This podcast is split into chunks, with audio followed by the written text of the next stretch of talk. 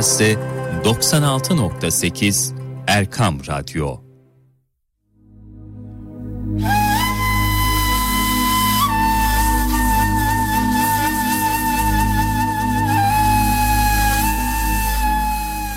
Kur'an ışığında hayatımız. Profesör Doktor Ömer Çelik ve Doktor Murat Kaya ile Kur'an ışığında hayatımız başlıyor.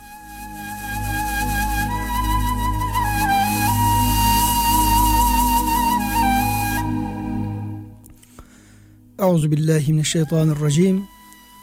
Bismillahirrahmanirrahim. Elhamdülillahi rabbil alamin. Ves salatu vesselamu ala rasulina Muhammedin ve ala alihi ve sahbihi ecmaîn.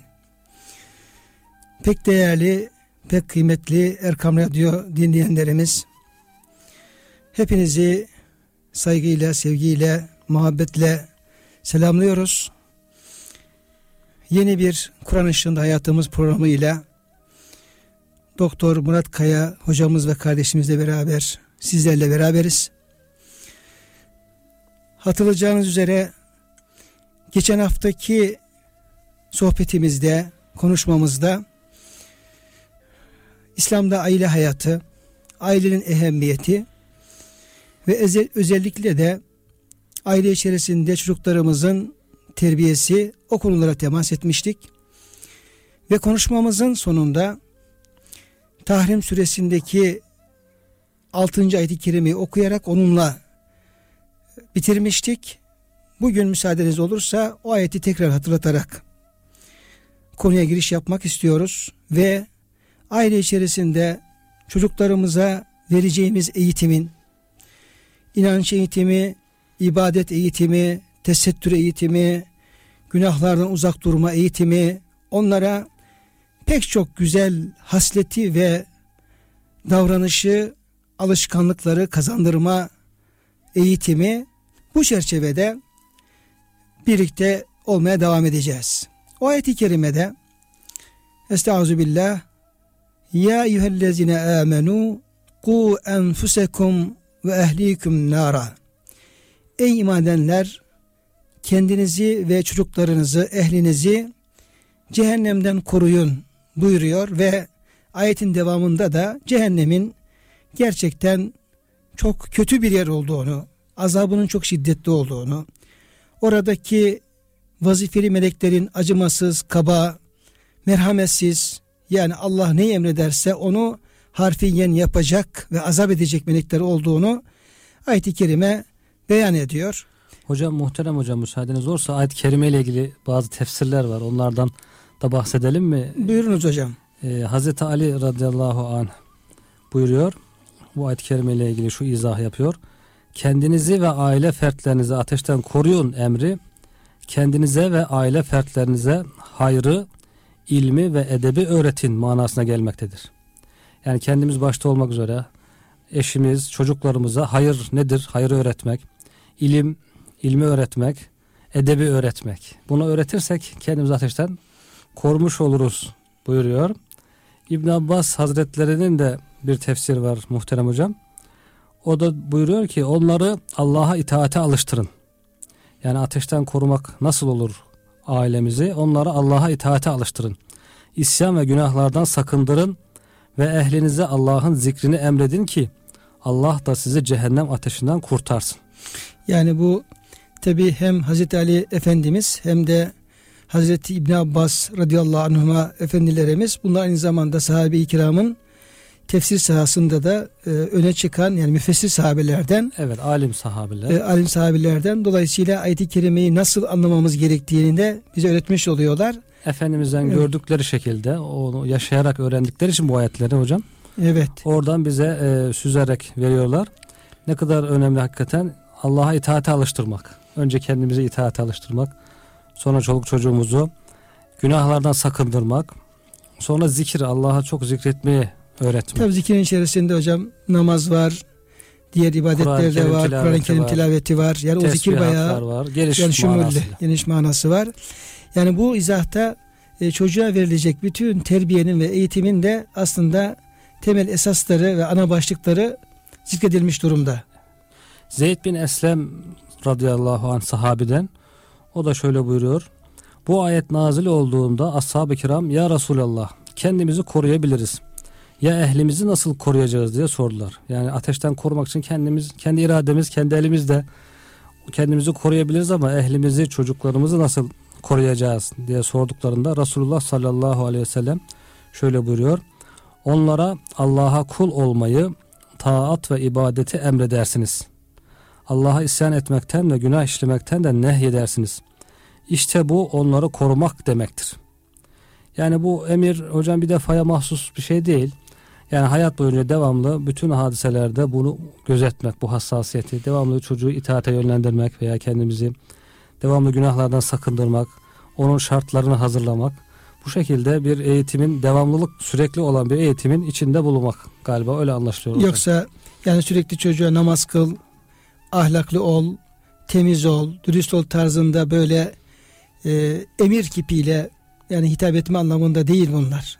Çünkü o tür hitaplar belki bir zaman sonra eğer çocuğa biz örnek olamazsak veya onları bir sürekliliği olan bir eğitime tabi tutmazsak kendi halimizle, sevgimizle, ilgimizle, alakamızla tutmazsak sadece kuru bir e, emir tarzındaki ifadeler belki çocuklarda da ters, ters tepki e, tepebilir. Yani bunu bir e, süreç içerisinde, süreklilik içerisinde bir eğitime tabi tutma olarak anlamak lazım değil mi hocam? Evet hocam. Mesela Peygamber Efendimiz sallallahu aleyhi ve sellem cemaatle namazı çok teşvik ettiği halde nafile namazlar yani namazların sünnetlerini ve diğer nafile namazları evde kılmayı tavsiye ediyor. Evlerinizi kabir haline çevirmeyin buyuruyor. Yani ölü insanların bulunduğu yer haline getirmeyin. Evleriniz canlı olsun. Canlılıkta nasıl olur? Allah'ın zikriyle, ibadetle olur. Onun için sünnetleri, nafileleri evlerde kılmayı tavsiye ediyor. E düşünün baba anne evde namaz kılarsa çocuk da onu görerek küçük yaşta itibaren onunla birlikte yatıp kalkmaya başlayacak demektir. Ama baba diyelim ki nafilesini de diğer bütün namazları da camide kılarsa yani evde namaz kılmazsa evet. O, o zaman tabii kimi görecek? Belki annesini görebilir ama babasını görmekten mahrum kalacak bir kez. Evet babayı da görmesi gerekiyor. Yine mesela Efendimizin tatbikatından var muhterem hocam. Buyuruyor ki geceleyin kalkıp namaz kılan, hanımını da kaldıran, kalkmazsa yüzüne su serperek uyandıran kimseye Allah rahmet eylesin. Aynı şekilde geceleyin kalkıp namaz kılan, kocasını da uyandıran, uyanmazsa yüzüne su serperek uykusunu kaçıran kadına da Allah rahmet eylesin. Burada bir önemli husus var tabii ki. Uykulu insana uykusunu kaçırmak için böyle hafif su serpmek bu belki zor bir durum ama bu aradaki muhabbeti sağlamak gerekiyor ki arada muhabbet kuvvetli olursa bu tür e, şeyler ufak tefek şeyler muhabbeti artırır ama arada muhabbet zayıf olursa bunlar daha belki muhabbetsizliği besleyebilir. Belki burada Efendimizin işaret ettiği de aile içerisinde o muhabbeti sağladıktan sonra bu şekilde birbirine yardımcı olmak, destek olmak. Yani ailelerin bir e, ibadet mahalli, ibadet mekanı, bir adeta mescit gibi.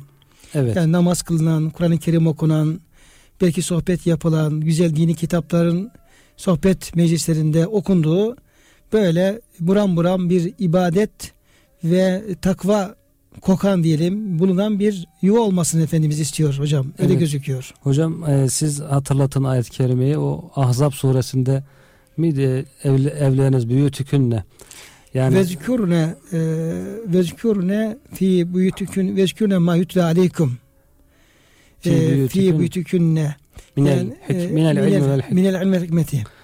Yani peygamberimizin evine e, ayet-i kerimeler nazil oluyor. Hadis-i şerifler geliyor. Cenab-ı Hak da diyor ki evinize nazil olan inen o, o şeyleri hatırlayın. Yani Allah Allah'ın ayetlerini, peygamberimizin sünnetini, evet. hikmet o anlamı da var. Evet. Yani güzel e, bilgileri, sözleri hep evinizde e, hatırlansın, hatırlansın, tekrar edilsin, tekrar edilsin okunsun, okunsun, konuşulsun. E, aynı modeli Peygamber Efendimizin evinin modelini biz kendi evimize taşıyabilmek için gayret etmemiz gerekiyor. Yani evimizde Kur'an-ı Kerim'le ilgili, hadis-i şeriflerle ilgili, siyerle ilgili, dini eğitimle, dini mevzularla ilgili devamlı konuşmaların olması gerekiyor. Tabii ki hocam yani çocuğa verilecek e, terbiyede dinimizin inanç esasları, iman esasları ve inanç eğitimi tabii ki birinci sırada yer alıyor. Evet. Yani bu noktada hocam ya anne babaların Yani neler söylemesi lazım? Hangi telkinde bulunması lazım? Yani çocukta sağlam bir Allah'a iman, ahirete iman, peygamberlere, kitaplara, Allah'ın ayetlerine iman noktasında o küçük yaşlarda bu imanın kalbe yerleşebilmesi için ne tür telkinler e, yapmalı? Efendimiz Aleyhisselam'ın hayatında buna örnekler var mı? Bu noktada hocam ne dersiniz? Evet hocam e, zaten Efendimiz sallallahu aleyhi ve sellem her doğan çocuğun İslam fıtratı üzere, İslam üzere doğduğunu ifade buyuruyorlar. Daha sonra annesi babası onu kendi inancına göre şekillendirir buyuruyorlar. Kimisi işte Müslüman yapar veya Yahudi veya Hristiyan, Mecusi yapar şeklinde. Zaten Müslüman olarak doğuyor çocuk. Burada anne babaya düşen onu takviye etmek, desteklemek, bilgiyi bilgisini artırmak. En önemli şey de iman, inanç meselesi. İnanç olmadan ibadetlerin de zaten bir manası olmadığı için öncelikle bir iman meselesi gündeme geliyor. İmanın da başında Allah'a iman anlatılıyor. Efendimiz sallallahu aleyhi ve sellemin şöyle bir tatbikatı bize naklediliyor. Abdülmuttalip oğullarından bir çocuk konuşmaya başladığında yani kelimelerini artık ifade edebilecek çıkarmaya başladığında konuşmaya başladığında ona Efendimiz bir ayet-i kerime okuyor. Yedi defa veya daha fazla okuyarak o ayet-i kerimeyi ezberletiyor. O ayet-i kerime de Cenab-ı Hakk'ın e, birliğiyle alakalı, Cenab-ı Hakk'a imanla alakalı bir ayet-i kerime. İsra suresinin 111. ayet-i kerimesi. Estağfirullah ve kulil hamdülillahillezî lem yettehiz veleden. Ee, Allah'a hamd olsun de. Öyle Allah ki çocuk edinmedi. Çocuk edinmeyen bir Allah'a. Yani Cenab-ı Hakk'ın bir çocuğa ihtiya- e, çocuğu yoktur. Çocuk edinmemiştir. Bazı dinlerin bu düşünceye saptıkları gibi tarih boyunca. Velem yekun lehu şerikun fil mülki. Mülkünde de onun bir ortağı yoktur. Mülk nedir? Cenab-ı Hakk'ın dışındaki yaratılan, sonradan yaratılan her şey mülktür. Mülk yani varlık olarak da mülk. Evet. Bir de onların idaresi. İdaresi de mülk anlamında. O da mülk. Bu idare konusunda ve varlığı varlığa sahip olma konusunda Allah'ın hiçbir ortağı yoktur. Demek ki insanlar işte bu noktada şirke düşüyorlar. Yani bir Allah'a çocuk isyan ederek şirke düşüyorlar. Yahudilerde, Hristiyanlarda, Araplarda olduğu gibi böyle bir Allah'a çocuk isyan etme e, özelliği süre geliyor. En çok bu noktada şirke düşüyor insanlar. Evet. Ayet-i Kerime onu engellemiş oluyor. Sonra ikinci derecede Cenab-ı Hakk'ın bu kainatı idaresinde, mülkünde bir kısım varlıkları ortak kılma şeklinde bir şirk unsuru var yaygın olan. Ayetin ikinci kısmı da bunu e, ortadan kaldırmış oluyor. Evet hocam. Velem yekun lehu veliyyun minezzulli. Ya Cenab-ı Hakk'ın bir sıfatı daha burada anlatılıyor. Cenab-ı Hak ihtiyacından dolayı bir dost edinmekten münezzehtir. O, o halde Allah'ı yücelt ve kebbirhu tekbira. Cenab-ı Hakk'ın büyük olduğunu anla, idrak et, söyle. Burada hakikaten mülkün Allah'a ait olduğu düşüncesine zihne yerleşmesi, hele küçük yaşta yerleşmesi çok önemli. Diğer ayet-i kerimede zaten ve kulillahümme malikel mülk buyuruyor. Ey bütün mülkün maliki olan, sahibi olan Allah'ım. Yani her şeyin sahibi. Bizim vücudumuzun, vücudumuzdaki bütün zerrelerin, bütün hücrelerin, bütün hücrelerdeki atomların her birinin sahibi Allah. İstediğini sıhhat verir, istediğine hastalık verebilir. Ve bütün varlık Allah'a aittir. Bu inanç insanda yerleştiğinde insanın hayatı şekil değiştirecek. Yani Efendimiz Aleyhisselam bu ayeti yedi kez te- telkin ederek çocuklara küçük yaşta onlar da doğru sahih bir Allah'a imanın inancının yerleşmesine bu şekilde sağlamış oluyor. Evet. Dolayısıyla demek ki hocam bu bir Efendimizin sünneti ve bir e, uygulaması. Biz de e, anneler, babalar, e, aileler o küçük yaşlarda çocuklar bir şey anlamaz. Bunlar efendim bilmez etmez demeyip hani çocuk doğduğu zaman da bizim e, çocuklara iman telkinimiz aslında çocuk doğduğu zaman başlıyor. Değil mi hocam? Evet hocam. Yani ne yapıyoruz? Sağ kulağına ezan okuyoruz. Sol kulağına kâmet okuyoruz. Sonra da ismini veriyoruz. Nedir? Ee, ezan ve kâmet Allah'ın büyüklüğünü, kelime-i tevhidler Allah'ın birliğini, işte namazı, bütün dinin bütün esaslarını aslında o çocuğun kalbi, kulağına telkin etmiş oluyoruz ilk günlerde. Bu ezanlar ki şehadetleri dinin, dinin temeli, temeli diye temeli, okuyoruz. Hakikaten oluyoruz. bu ezanlar ki her gün aynı şeyler en temel hususları Cenab-ı Hak bize beş defa tekrar ediyor. Evet. Duyuyoruz. Bazen farkında olmuyoruz ama onu dikkat etmek lazım. Yani Can, e, ezanlar okunurken dinin temellerini tekrar hatırlamak lazım. Hocam bir rivayet daha var. Efendimiz sallallahu aleyhi ve sellem buyuruyor. İlk söz olarak çocuklarınıza güzel bir şekilde La ilahe illallah demeyi öğretiniz. Bu da tevhidle ilgili Allah'tan başka ilah yoktur. İlk söz olarak çocuk daha konuşmaya başladığında demek ki biraz önceki ayet-i kerimeyle de paralel zaten Allah'tan başka hiçbir ilah yoktur sadece Allah vardır. Bu sözü ilk söz olarak çocuklara öğretmeyi Efendimiz tavsiye buyuruyorlar. Hocam konuşmanızın başında ifade ettiğiniz gibi yani küllü mevludun yuledu alel fıtra her çocuk İslam fıtratı üzere doğar. Yani Allah'ın birliğini e, iman esaslarını kabul edebilecek, kolaylıkla kabul edecek bir temiz kalple bir fıtrat üzere doğuyor. Tabi o e, boş olan sayfaya tertemiz o gönle kelime-i tevhidi Allah'ın birliğini telkin ettiğimiz zaman adeta bir e, fidan gibi o iman oraya ekilmiş oluyor bir tohum gibi sonraki e, yaptığı yapacağı amellerde o iman fidanının büyümesine yardımcı oluyor. Evet. Dolayısıyla hocam demek ki Efendimizin bu tatbikatından şunu anlamamız lazım. Anneler babalar olarak evimizde evin ev içerisinde yemek yerken, otururken, kalkarken fırsat buldukça her vesileyle iman esaslarını telkin etmeye devam etmemiz lazım. Mesela yemek yemeye oturduğumuz zaman e, yemek yerken Cenab-ı Hak'tan, Allah'ın birliğinden, Allah'ın kudretinden, Allah'ın bize olan nimetlerinden bahsetmemiz gerekiyor. E, bu nimetleri, sayısız nimetleri bize verenin Allah olduğunu, yani meyvesinden, sebzesinden, yiyecek bütün nimetlerin gerçek sahibinin Allah olduğunu hatırlatmak gerekiyor. Belki bir bal yerken arının yaptıklarından, bir yumurta yerken bir tavuğun yiyip çektiği sıkıntılardan, meşakkatlerden o tarzda e, yani tabii seri içerisinde böyle bir Allah'a imanın yerleşmesi.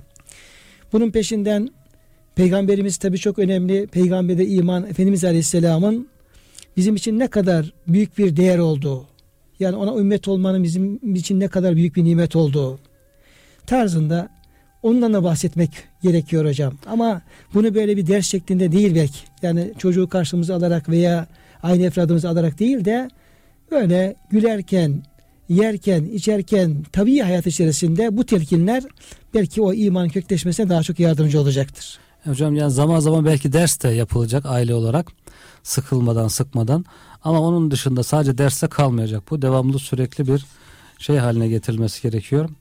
Belki Allah'a imandan sonra en çok ihtiyacı olan insanların ahirete iman. Ayet-i kerimelerde hadis-i şeriflerde sık sık beraber zikrediliyor. Kim işte Allah'a ve ahiret gününe iman ediyorsa şöyle yapsın. Kim Allah'a ve ahiret gününe iman ediyorsa böyle yapmasın şeklinde ifadeler var efendim. Ahirete iman çok önemli bir rol oynuyor. Yani hesap, kitap bu hayatın bir hesabının olduğu, biz ahireti kazanmak için buraya geldiğimiz bu duygular da çocuğa verilirse he, hayatın her alanda bunlar lazım ol, geçerli olan şeyler. Yani hayatın pratiğinde ufacık bir insanlarla münasebetlerde hak hukuk meselesinde hemen aklına ahiret düşüncesi gelmesi gerekiyor. Şimdi tabi hocam orada e, bir de Allah dostlarının evladıyla alakalı bir e, kıssası vardır. Çok ibretli. O ahiretle alakalı. O aklıma geldi hocam. Evet hocam. Müsaadeniz olursa onu seyircilerimizle paylaşalım. Gerçekten de ahirete iman çok e, temel, esaslı iman esaslerinden bir tanesi. Yani belki de Allah'a imandan sonra en çok üzerinde durulması gereken. Çünkü Kur'an-ı Kerim'de bir taksime göre Kur'an-ı Kerim'in üçte biri ahiretten bahsediyor. Yani evet. üçe ayıracak olursa Kur'an-ı Kerim'i üçte bir hep ölüm, ölüm sonrası, kıyamet, mahşer ve cennet cehennem safhalarından oradaki olaylardan bahsediyor. Tabii küçük yaşta çocuğa bunu verirsek tabii onlarda çok ayrı bir yankı buluyor. Hani hocam hatırlayacaksınız Müzzemmil suresinde Estağfirullah fekeyfe tettekune in kefertum yevmen yec'alul vildane şiba yani eğer küfrederseniz, kafir olursanız veya Allah'a nankörlük yaparsanız şiddetinden çocukları ak saçlı ihtiyarlar haline getiren o kıyamet günü sizi Allah'ın azabından kim koruyacak? Nasıl korunacaksınız? Bu ayet-i evet. ile alakalı. Rivayete göre Seri Sakati Hazretleri'nin oğlu var e, Seri Hazretleri bunu camiye gönderiyor, medreseye gönderiyor ve orada çocuk Kur'an-ı Kerim okumaya başladığı sıralarda hocası bu ayeti kerime derste anlatıyor. Diyor ki bakın böyle bir ayeti kerime var ve bu ayeti kerime kıyametin dehşetinden bahsediyor ve e, kendimizin o ahiret gününe, mahşer gününe hazırlanmamızı istiyor. Ona göre bir kulluk yaşamamızı istiyor. Deyince bu ayeti kerimeyi okuyor.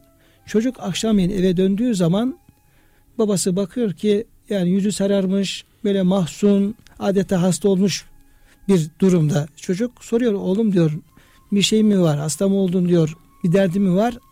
Babacım diyor benim derdim şu, bugün hocamız bize öyle bir ayet-i kerime öğretti ki bu ayet-i kerime beni çok sarstı, çok etkiledi. Hangi ayet oğlum diyor.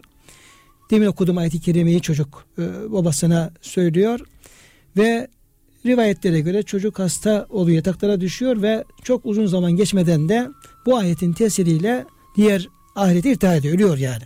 Evet. Sonra bu Seri Sakat Hazretleri diyor ki ya biz diyor bir yavrumuz diyor bir ayet duydu. Onun dehşetine, onun tesirinden ne hallere geldi. Halbuki biz Kur'an-ı Kerim baştan sona kaç kez hatmediyoruz ama hiçbir zaman bu kadar tesir altında kalmıyoruz. Aslında bu kıssada hocam bir incelik daha var benim dikkatimi çeken.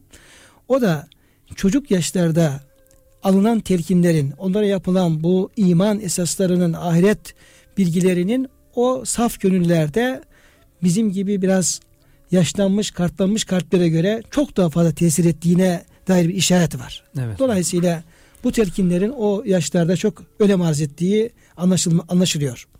Evet hocam hakikaten buyurduğunuz gibi Kur'an-ı Kerim'in üçte biri ahiretten bahsediyorsa ilk olarak da Cenab-ı Hak Allah ve ahiret inancını yerleştiriyor. Sonra ibadetleri, muamelatıyla ilgili hükümleri indiriyor. O zaman Kur'an-ı Kerim'i okurken bunlar üzerine düşünerek okumak, tefsirlerini okumak gerekiyor. Zaten hocam ayet-i kerimede hakka tilaveti diye geçiyor ya. Kur'an-ı Kerim'e Ellezine e, ateynehumul kitabe yetlunehu hakka tilaveti. Bakara 120. ayet-i kerimede kendilerine kitap verdiğimiz o insanlar ister ehli kitap olsun ister Müslümanlar olsun yani semavi kitap sahibi e, toplumlar onlar Allah'ın kitabını hakkını vererek tilavet ederler. Tilavet ederler. Yani gerçek mantığı tilavet ederler. Zaten tilavette de hocam şu Evet. anlam vardır. Yani e, yapılacak işlerin birbirini takip etmesi. Yani okumanın peşine anlama, anlamanın peşine onu tatbik etme, onun tatbikin peşine ihlasla takvaya tatbik etme tarzında yani kişiyi o ayetin gereğini en güzel şekilde yapmaya teşvik eden bir faaliyeti faaliyetler bütününü aslında anlatıyor o Evet. ifade. O ayet-i kerimenin tefsirinde hocam Hazreti Ömer radıyallahu anh galiba şöyle bir açıklama naklediyor. Diyor ki hakka tilaveti hakkıyla Kur'an-ı Kerim okumak işte Kur'an-ı Kerim okurken cennetten bahseden ayet-i kerimeler geldiğinde durup Allah'ım bana cenneti nasip eyle şeklinde dua etmek, yalvarmak. Cehennemden bahseden ayet-i kerimeler geldiğinde de cehennemden Allah'a sığınmak, Allah'ım beni ateşten koru şeklinde dua etmek diye tefsir ediyor. Zaten Efendimizin hayatındaki tatbikatın da öyle olduğunu görüyoruz hocam. Efendimiz e, okurken buyuruyor, bir sahabi naklediyor Huzeyfe radıyallahu anh. Tesbihle ilgili ayet-i kerimeler geldiğinde, Allah'a tesbih ederdi. fesebbih dediğinde, Allah'ı tesbih et dediğinde, Hamdle ilgili geldiğinde hamd Efendimiz ederdi. evet Sübhanallah diyerek uzun müddet tesbih ediyor. Hamd geldiğinde hamd ediyor. Cennetten bahsedildiğinde duruyor orada cenneti istiyor Cenab-ı Hak'tan. Kıymetli hocam e, bu sohbetini devam edeceğiz inşallah. Reklamdan İnşallah. sonra kaldığımız yerden devam ederiz. İnşallah hocam.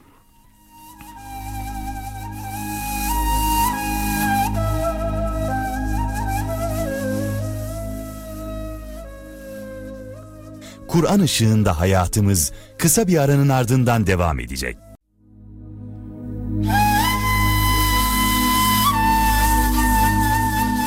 Kur'an ışığında hayatımız devam ediyor.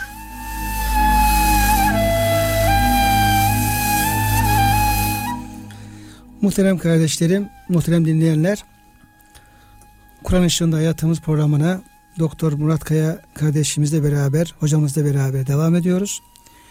Hocamız Kur'an-ı Kerim'i hakkıyla tilavet etme, hakkını vererek okuma ve bu konuda Efendimiz Aleyhisselam'ın sergilediği örnek okuyuş tarzı ile ilgili misaller veriyordu.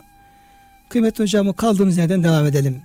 isterseniz. Evet hocam Kur'an-ı Kerim okurken Cenab-ı Hakk'ın emirleri geliyor orada. O zaman o emirleri anlayıp düşünüp Cenab-ı Hak ne istiyor benden diye onu yapmaya karar vermek, azimli olmak.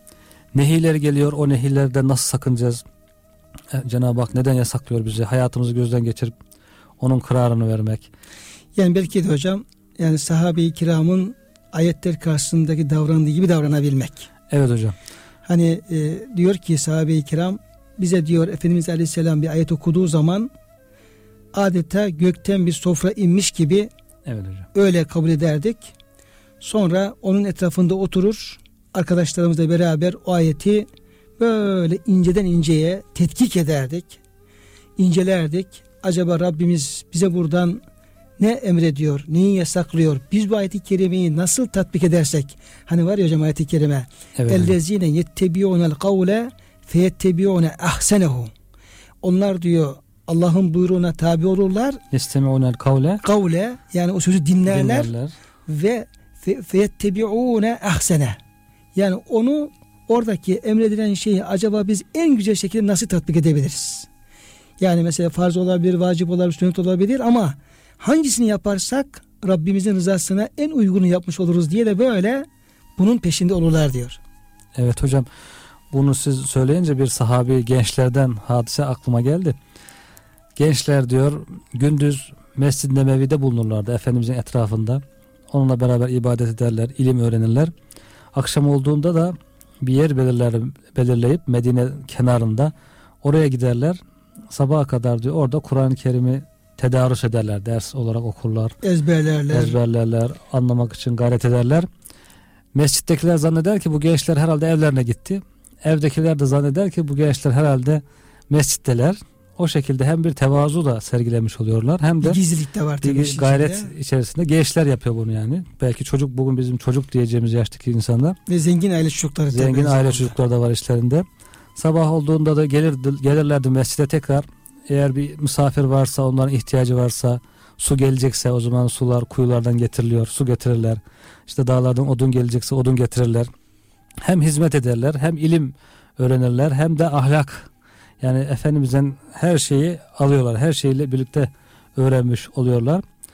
İşte Kur'an-ı Kerim tilavet ederken de bazen müjde gelir. O müjdeye Cenab-ı Hakk'a yalvarmak lazım. O müjdeye benden dahil eyle diye. Bazen tehdit, korku gelir ayetler. Onları Allah'a sığınmak lazım. Beni bunlardan muhafaza buyur ya Rabbi diye.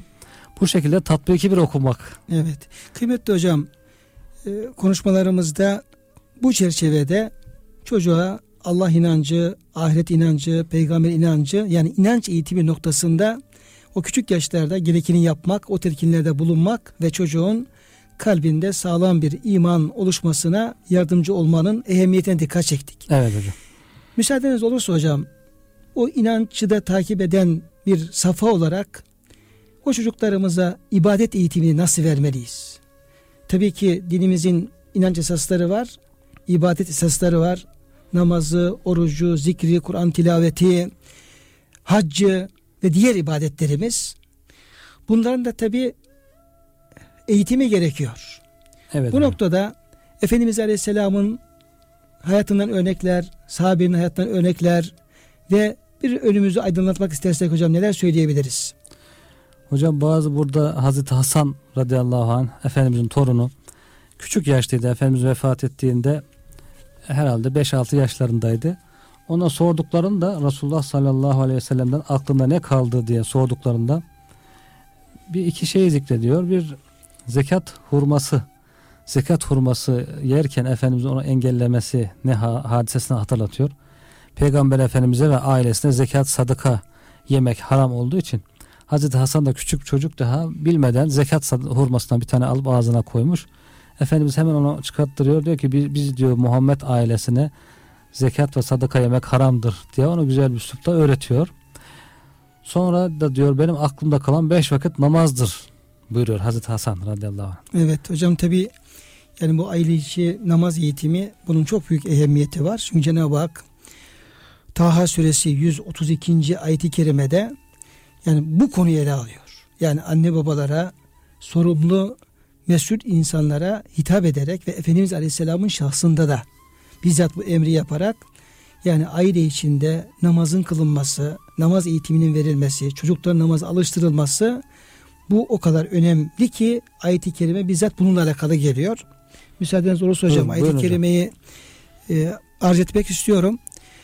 Estağfirullah ve emur ehleke bis salati vestabir aleyha la nes'eluke rizqa nahnu narzukuk vel akibetu littakva. Tabi ilk kitap Peygamberimiz Aleyhisselam'a. Onun için buna ey Resulüm, ey Habibim diye bir mana verebiliriz. Sonra Peygamberimiz şahsında da bütün Müslümanlar hepimize ayet e, hitapta bulunuyor. Resulüm ailene namazı emret. Peygamberimiz olunca ümmetini de e, katıyorlar e, mütercimler, müfessirler. Ailene ve ümmetine namazı emret. Kendin de onu kılmaya sabırla devam et. Biz senden rızık istemiyoruz. Üstelik seni de biz rızıklandırıyoruz. İyi bilin ki hayırlı son, kalpleri Allah'a saygıyla dolu olan, günahlardan sakınan, takva sahibi insanlar olacaktır. Dolayısıyla burada aile efradımıza yani eşimize, hanımımıza, çocuklarımıza, torunlarımıza kimler varsa namaz vakti geldiği zaman hem namazı onlara öğretmek öncesinden namaz vakti geldiği, geldiğinde de kalkalım namazı kılalım, beraber kılalım, kalk evladım namazını kıl tarzında bunu tekrar etmek hocam ayet-i kerimenin emri. Evet hocam. Herhalde Efendimiz Aleyhisselam bu ayet geldiği zaman daha farklı herhalde hocam davranmaya başlıyor değil mi? Evet hocam. Ee, belki bu ayet-i kerimeden hocam şöyle bir işaret de çıkarıyorlar. İşte namaza dikkat eden, devam eden evlerde rızık da bol olur. Tam tersine insan düşünebiliyor. Yani namazımı kılarsam işte günde beş vakit abdest alacaksın, camiye gideceksin. Sonra o kadar zaman ayıracaksın. Mesela ticarette falan uğraşan insanlar. Buna zaman ayırırsam belki ticaretim eksik olur, kazancım eksik olur falan gibi de şöyle bir olumsuz düşünce de olabilir. Aslında ayet-i kerime olumsuz düşünceyi de ortadan kaldırmış oluyor. Yani rızık Allah'ın elinde. Biz diyor size rızıklandırırız. Her insanın rızkı taksim edilmiş. Onu elde etmeden ölmesi mümkün değil. O halde rızık talebinde güzel davranın buyurur Efendimiz. Nasıl olsa Yani sıhhatli bir e, ibadet hayatı hele ailecek Allah'a güzel kul olmak, namaza dikkat etmek demek ki rızkın da bollaşmasına, bereketlenmesine de yol açıyor. Ayette Evet. bu işareti var değil mi hocam? Evet o da var diyorlar hocam tefsirlerde.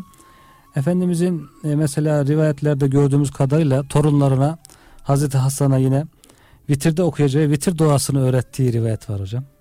Bana da dedem diyor vitir duasını öğretmişti. Kaç yaşlarında işte 5 yaşlarında bir çocuğa Efendimiz vitir duasını Uzun, uzun da sayılabilecek bir dua evet, değil mi hocam? onu öğretmiş. Evet. Sonra Bir de hocam Efendimiz bu deminki okuduğum ayet-i kerime geldikten sonra kızı Fatıma'nın evine giderdi diyor. Tabi onlar ayrı bir evde kalıyor. Efendimizin tabi devli, e, sahne, e, hane-i saadetleri ayrı. Giderdi ve haydi namaza buyururdu. Buna aylarca devam ederdi. Buhari ve Müslim'de alan, yer alan bir rivayet. evet hocam. Yani ayeti kerimeyi nasıl tatbik ediyor Efendimiz Aleyhisselam? Yani bu ayet bana ehlimi namaza çağırmamı, namazı emretmemi istiyor. O da ehli beytini Fatıma validemizden başlayarak bu şekilde e, aylarca kalkın namaza kalkın diye telkinde bulunuyor. Hatta hocam bu namaz çağırdığı namazın da teheccüd olduğu rivayetten öyle anlaşılıyor. Çünkü teheccüd bölümünde zikredilmiş bu. Yani teheccüd veya sabah namazı gibi gözüküyor. gibi. Yani Efendimiz teheccüde de kaldırmış ailesini. Tabi hocam sabah namazına da burada çağırmış. da hocam e, Hazreti Ali ile ilgili biliyorsunuz özel bir hatırası da var e, Efendimiz Aleyhisselam'ın. Şimdi bir sefer zaman zaman da işte ehli beyt namaza kalkın diyor. Teheccüde kalkmalarında herhalde istiyor. Hatta bir seferinde damadı Hazreti Ali Efendimiz diyor ki ey Ali diyor bu gece teheccüde kalkabildi mi veya teheccüde kalkabiliyor musunuz? Tarzında bir sual yöneltiyor Efendimiz Aleyhisselam. Hazreti Ali Efendimiz de şöyle cevap veriyor. Belki orada bir farklı bir yaklaşımla belki "Ya Resul- öğrenmek istiyor. Evet, belki Yani bir öğrenmek şey istiyor. Diyor ki ya Resulallah diyor Allah diyor kaldırırsa kalkarız diyor. Ruhlarımız Allah'ın elindedir. Elindedir. Ruhlar Allah'ın elindedir. O kaldırırsa kalkarız. Kaldırmasa da ne yapalım kalkamayız gibi bir cevapta bulunuyor ama Efendimiz Aleyhisselam bu cevaptan hoşnut Olmuyor. olmuyor.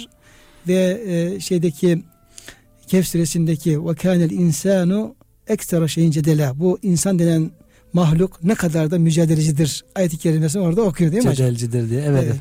Ümmü Seleme validemizin bir haberi var efendim. Ümmü Seleme validemiz Efendimizin hanımı Resul-i Ekrem sallallahu aleyhi ve sellem Efendimizin bir gün hanımlarını telaşla ve tedirgin bir şekilde ikaz ettiğini naklediyor.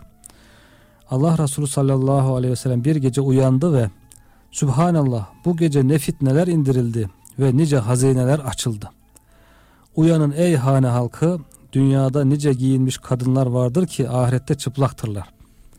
Yani geceler hamiledir diye bir söz var. Geceler hayra da şerre de hamile dolu. Gecelerden isteyen hayır olarak istifade edebiliyor. İsteyen şerler, şer yapmak isteyen de gecelerden istifade ediyor. Efendimiz de öyle buyuruyor. Bu gece diyor fitneler de indirildi, hayırlar da. Herkes hangisini tercih ederse ona koşsun. Yani Efendimiz ey hane halkı bütün odalardaki ailesini, ailelerini, aile halkını uyandırıyor ve bir ahirete hatırlatıyor. Dünyada nice giyinmiş kadınlar vardır ki dünyevi olarak, maddi olarak imkanlar yerindedir. Elbiseleri güzeldir belki ama ahirette çıplaktır. Yani ahirette sevapları yoktur. Ahiret hazırlıkları yoktur. Şeklinde hem namaza kaldırmış hem ahiret hazırlığını hatırlatmış oluyor burada hocam. Hocam bu vesileyle yani namaz ibadetinden ve çocukların namaz alıştırılmasından bahsetmişken tabii ki namazda Kur'an'ı birbirine ayırmak mümkün değil. Ama Evet hocam. Efendimiz Aleyhisselam'ın özellikle çocukları küçük yaşlarda Kur'an tilavetine alıştırmak, onlara Kur'an-ı Kerim öğretmek. Bu konuda anne babaya düşen sorumluluklar. Yani buna temas etmeden geçersek tabii ki büyük bir eksiklik olmuş olur. Ve bu konuda çok dikkat olan ailelerimiz var. Annelerimiz, babalarımız var. Yani yazın diyelim çocuklarımızı camiye göndermek, Kur'an kurslarına göndermek, e, özel hoca efendiler ayarlayıp tutup onlara göndermek noktasında gerçekten takdire şayan pek çok kardeşimiz var. Pek çok aileler var. Bunları tebrik ediyoruz. Bunlara efendim teşekkür ediyoruz. Bu dikkatlerinden dolayı ama tabii ki hocam herkes, her aile, her anne baba bu hassasiyeti, dikkati gösteremiyor. Maalesef bu konuda ihmal olan insanları da müşahede ediyoruz, görüyoruz. Dolayısıyla çocukları kaç yaşında, ne zaman bir e, Kur'an-ı Kerim eğitimine tabi tutmak lazım? Yani okumasını öğretmek lazım veya nasıl bir süreç takip etmek lazım bu Kur'an eğitimiyle ilgili olarak? Hocam belki genelde çocuğa göre değişebilir ama umumi olarak yani çocuğun bir şeyi anlamaya başladığında 5-6 yaşlarından itibaren öğretmeye başlamak gerekiyor. Efendimizin bu konuda çok pek çok teşvikleri de var Kur'an-ı Kerim öğretmekle ilgili. Buyuruyorlar ki mesela kim Kur'an-ı Kerim'i okur ve muhtevasıyla amel ederse kıyamet günü anne babasına bir taç giydirilir. Niye? Çünkü anne baba ona öğretmiştir. Anne babasına bir taç giydirilir. Bu tacın ışığı güneş aranızda olsa onun dünyadaki bir eve konulduğunda vereceği ışıktan daha güzeldir. Güneş bize çok uzak olduğu halde pek güzel ışık veriyor. Ama daha yakın olsa da odaya konulsa nasıl böyle parıl parıl bir ışık verirse ondan daha güzel olur. Öyleyse Kur'an-ı Kerim ile amel eden kişinin durumu nasıl olur düşünebiliyor musunuz? Buyuruyor Efendimiz sallallahu aleyhi ve sellem. Bir de hocam bizim yani İslami geleneğimizde yani sahabenin tatbikatında ondan sonraki dönemlerde alimlerimizin İslami e, ailelerin geleneğinde çok küçük yaşlarda çocuklarını hafız etme, hafız yapma adeti de var. Uygulaması Evet. da var. Evet hocam. Mesela İmam-ı Şafii Hazretleri ile ilgili olarak yani çok genç yaşlarda 5-6 yaşlarında hafızı bitirdiğine dair rivayetler var. Rivayetler var. Yani bizim ilim anlayışımızda, medrese anlayışımızda böyle küçük yaşta çocuklara böyle Kur'an-ı Kerim'i iliklerini işletme şeyi var hocam. Tabi günümüzde de böyle şeylere şahit oluyoruz. Yani 5 yaşında 6 yaşında çocuklarını hafız yapan anneler babalar da var. Yani demek ki o küçük yaşlarda çocukların alıcıları kuvvetliyken öğrenme, ezberleme kapasiteleri yüksekken yani zihinleri, kalpleri e, saf, temiz ve berrakken buna e, ihtimam göstermenin çok yeri var. Yani çocuk işte 10 yaşına gelsin, 12 yaşına gelsin, hele 15 yaşına gelsin. Ondan sonra biz Kur'an-ı Kerim öğretelim dediğimiz zaman belki de çoktan onun e, tavını, vaktini çoktan geçirmiş belki olacağız. Evet. Hocam bir hadis-i şerif var. Çocuğa küçük yaşta Kur'an-ı Kerim öğretilirse Kur'an-ı Kerim onun etine ve kanına işler. Etine ve kemiğine işler şeklinde bir rivayet var. Yani mecazi olarak Kur'an daha ona tesirli olur, daha kalıcı olur, daha güzel öğrenir şeklinde. Yaş ilerledikçe tabi bu öğrenme seviyesi düşüyor, zayıflıyor. Onun için buyurduğunuz gibi küçük yaşta başlamak gerekiyor. Sahabi de o şekilde yapıyorlar zaten. Efendimiz sallallahu aleyhi ve sellem ve diğer halifeler mesela hocam namazlarda uzun uzun okuyorlar. Bunun bir sebebi ibadet olduğu için bir sebebi de cemaat Kur'an'ı öğrensin diye uzun okuyorlar. Cemaatte de çocuklar var, diğer insanlar var, yaşlılar var, hepsi var. Mesela Efendimiz yine cuma hutbelerinde bazen bir sure okuyor. Kaf suresini okuyor cuma hutbesinde. Hem bu şekilde Kur'an-ı Kerim'den onlara bilgiler nakletmiş hem de onların Kur'an'ı iyice ezberlemelerini, öğrenmelerini de sağlamış oluyor. Yine Efendimizin böyle çocuğuna Kur'an-ı Kerim öğretmeye teşvik babındaki bir hadis-i şerifi de hocam.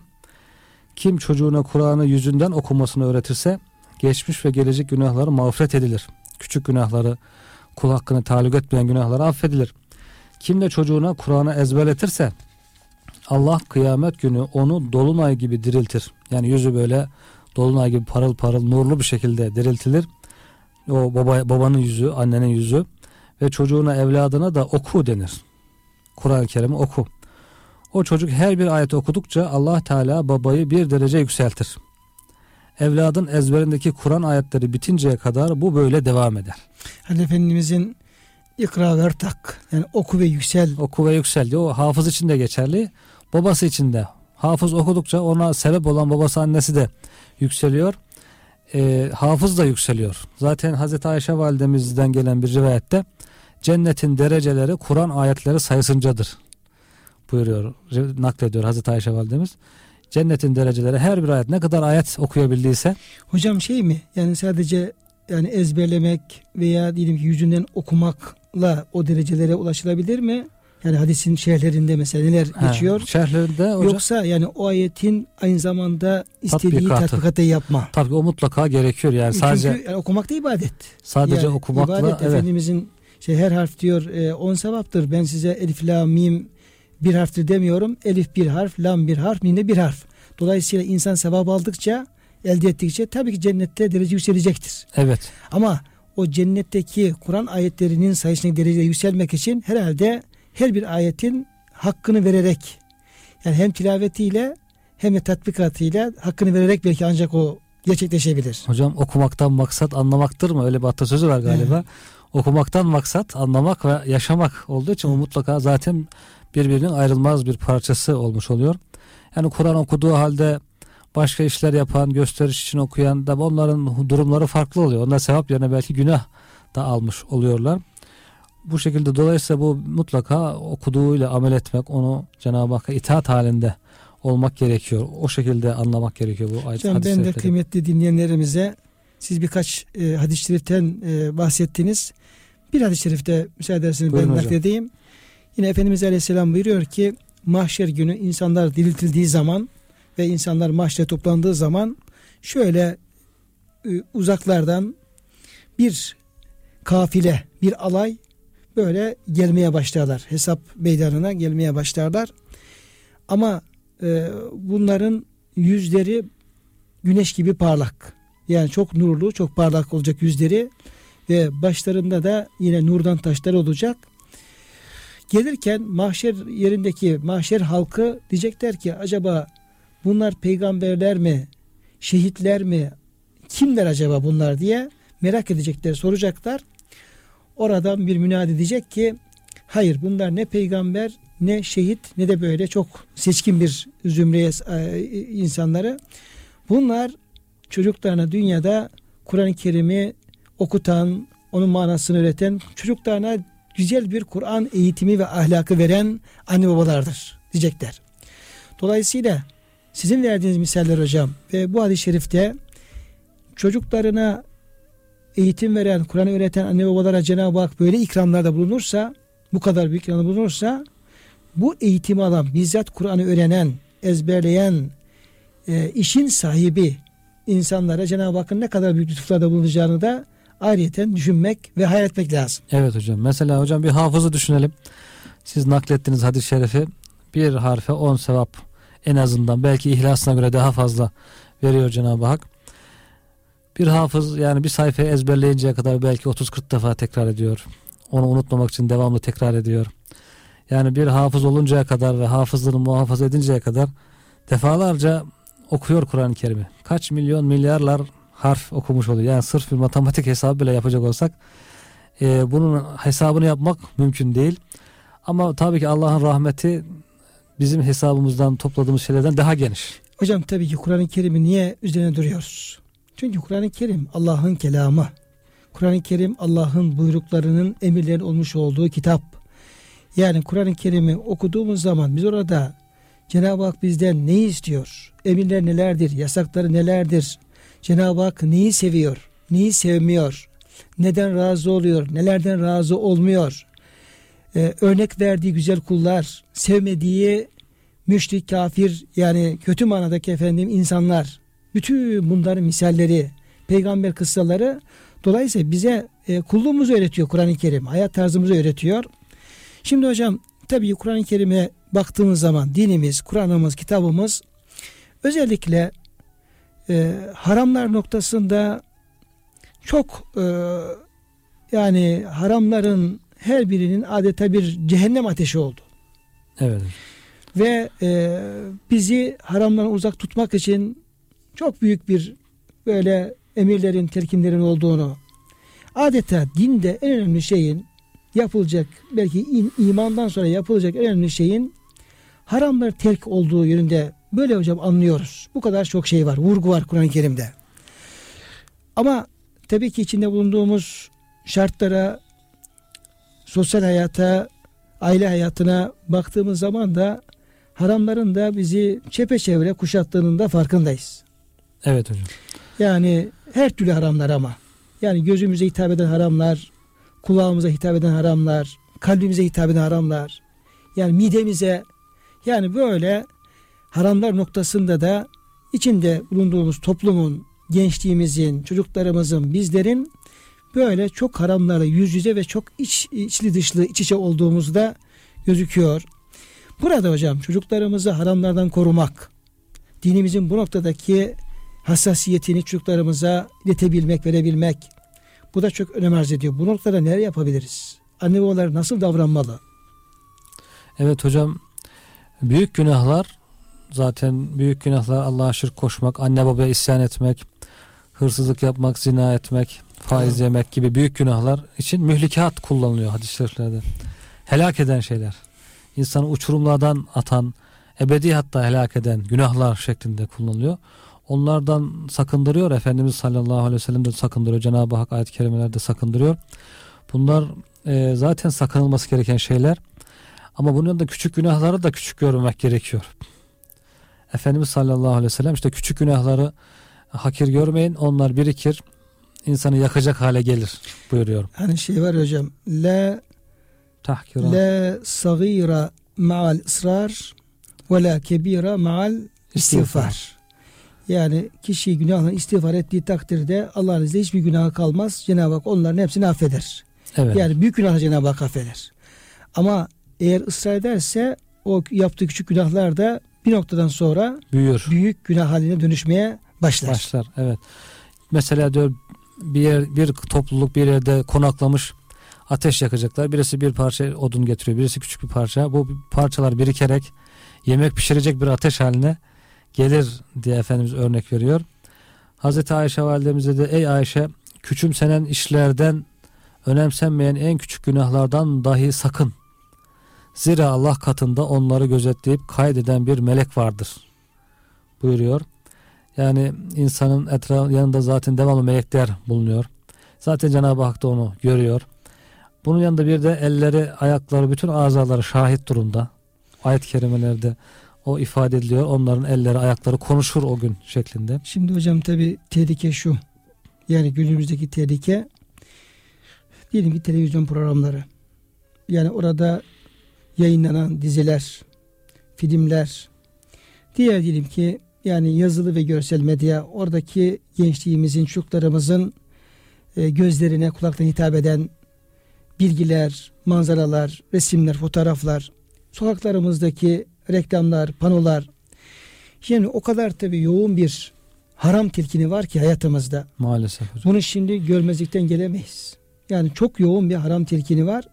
Ve bunlar tabi çocuklarımızın hep e, nefsani hazlarını, arzularını, onları harama teşvik eden e, duygularını, oraları sürekli tahrik ediyor, sürekli kaşıyor, sürekli efendim ona yönlendiriyor ve çok böyle yoğun bir harama teşvik bombardımanı altında tabi bulunuyor neslimiz ve çocuklarımız. Ve farkında olmadan da yani o telkinler içerisinde zamanla yani dinimizin açıktan haram kıldığı mesela Cenab-ı Hak biliyoruz ki yani zinayı kime soracak olursak olalım yani 770'te herkes bunun ne kadar büyük günah olduğunu bize söyleyebilir. Ama o yapılan o telkinler neticesinde yani açıklık, e, müstehcenlik, açıklık yani bu yöndeki kötü konuşmalar, sözler yani böyle insanların iş dünyasında adeta bu dinimizin haram kıldığı, çok büyük günah saydığı şey normalleşmeye, sanki sıradan bir şey e, gibi telakki edilmeye, ne olacakmış gibi demeye böyle bir noktaya geliyor ve bu noktadaki iman da zafiyete uğruyor. Evet. Yani bu tehlikeyi biz nasıl aşabiliriz? Yani bu gençliğimizi böyle bu tehlikeden nasıl kurtulabiliriz? Yani burada hakikaten bir insan hangi yola girerse o yolun gittiği yere varacağı muhakkaktır. Yani günahların yoluna giren bir insanın gideceği yer yani Allah korusun cehennem olmuş oluyor. Onun için daha o giriş yolların girişlerinde durmak lazım. O yolların girişlerinde insanları oralarda e, uyarmak lazım. Efendimiz sallallahu aleyhi ve sellem onu bir çizgi çekerek de gösteriyor. Düz bir çizgi çekiyor. Bu diyor hede sıratı müstakimen. Bu Allah'ın dost doğru yoludur. Sonra o çizginin yanlarına çizgiler çekerek bu çizgiler de diyor bu doğru yoldan ayrılan yollardır. Her birinin başında bir şeytan vardır. Doğru yoldan giden insanı çağırır. Gel asıl yol burası, gel doğru yol burası şeklinde. İnsanları böyle devamlı yanlış yollara çeviren, teşvik eden e, şeyler var, durumlar var. E, kötü insanlar var. Onlara karşı bilinçlendirmek gerekiyor. Yani onun için aileler, aile eğitimi dedik. Sonra okullardaki eğitimler, sonraki her bir insanın kendi arkadaş çevresini ikaz etmesi, devamlı birbirini kontrol, ikaz mekanizması devam etmesi gerekiyor. Yani bilgilendirme ve devamlı bilgi bildiği halde de hatırlatma, uyarma, ikaz etme, sonra onun alternatiflerini bulma, günaha malzeme olacak şeyleri ortadan kaldırma. Yani bir insan yanında durursa bir günah bir müddet sonra onun düşeceği mutlaka Tabii uçurumun kenarında dolaşırsan evet. bir gün efendim oraya düşeceği muhakkaktır. Muhakkaktır. Ateşin efendim çok yakına durursan o ateş ya aleviyle veyahut efendim sıcaklığıyla zaten efendim etkisi olacak ama bir müddet sonra da o ateş bacayı saracaktır. E yani zaten ayet-i kerimede ve la takrabu zina buyuruyor zina, Cenab-ı evet. Hak. Yaklaşmayın, zina etmeyin. Ve la teznu da var ama zina etmeyin.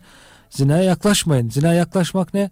İşte müstehcen şeylere bakmak, filmleri izlemek, ne bileyim insanların tesettüre riayet etmeden sokağa çıkması. Şimdi kıymetli hocam tabii ki bu yani çocuklarımızı neslimizi haramdan sakındırma bahsi yani ailede çocuk eğitimi, çocuk terbiyesi söz konusu olunca bu haramlara karşı onları e, koruma altına alma, onları haramdan engelleme, bunun eğitimini verme gerçekten bunun çok önemli bir yeri olduğu anlaşılıyor. E, kıymetli hocam programın sonuna yaklaşıyoruz. E, bu da çok önemli bir konu. Evet, yani belki konunun daha farklı yönlerine temas etmekte ve örneklerle bu noktada durmakta fayda olacaktır.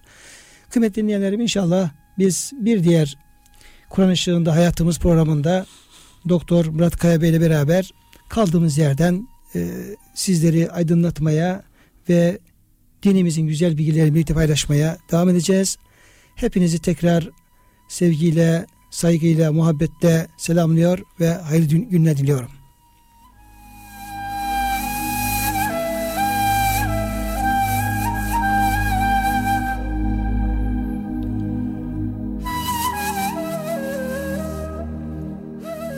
Erkam Radyo'da Profesör Doktor Ömer Çelik ve Doktor Murat Kaya ile Kur'an Işığında Hayatımız programını dinlediniz.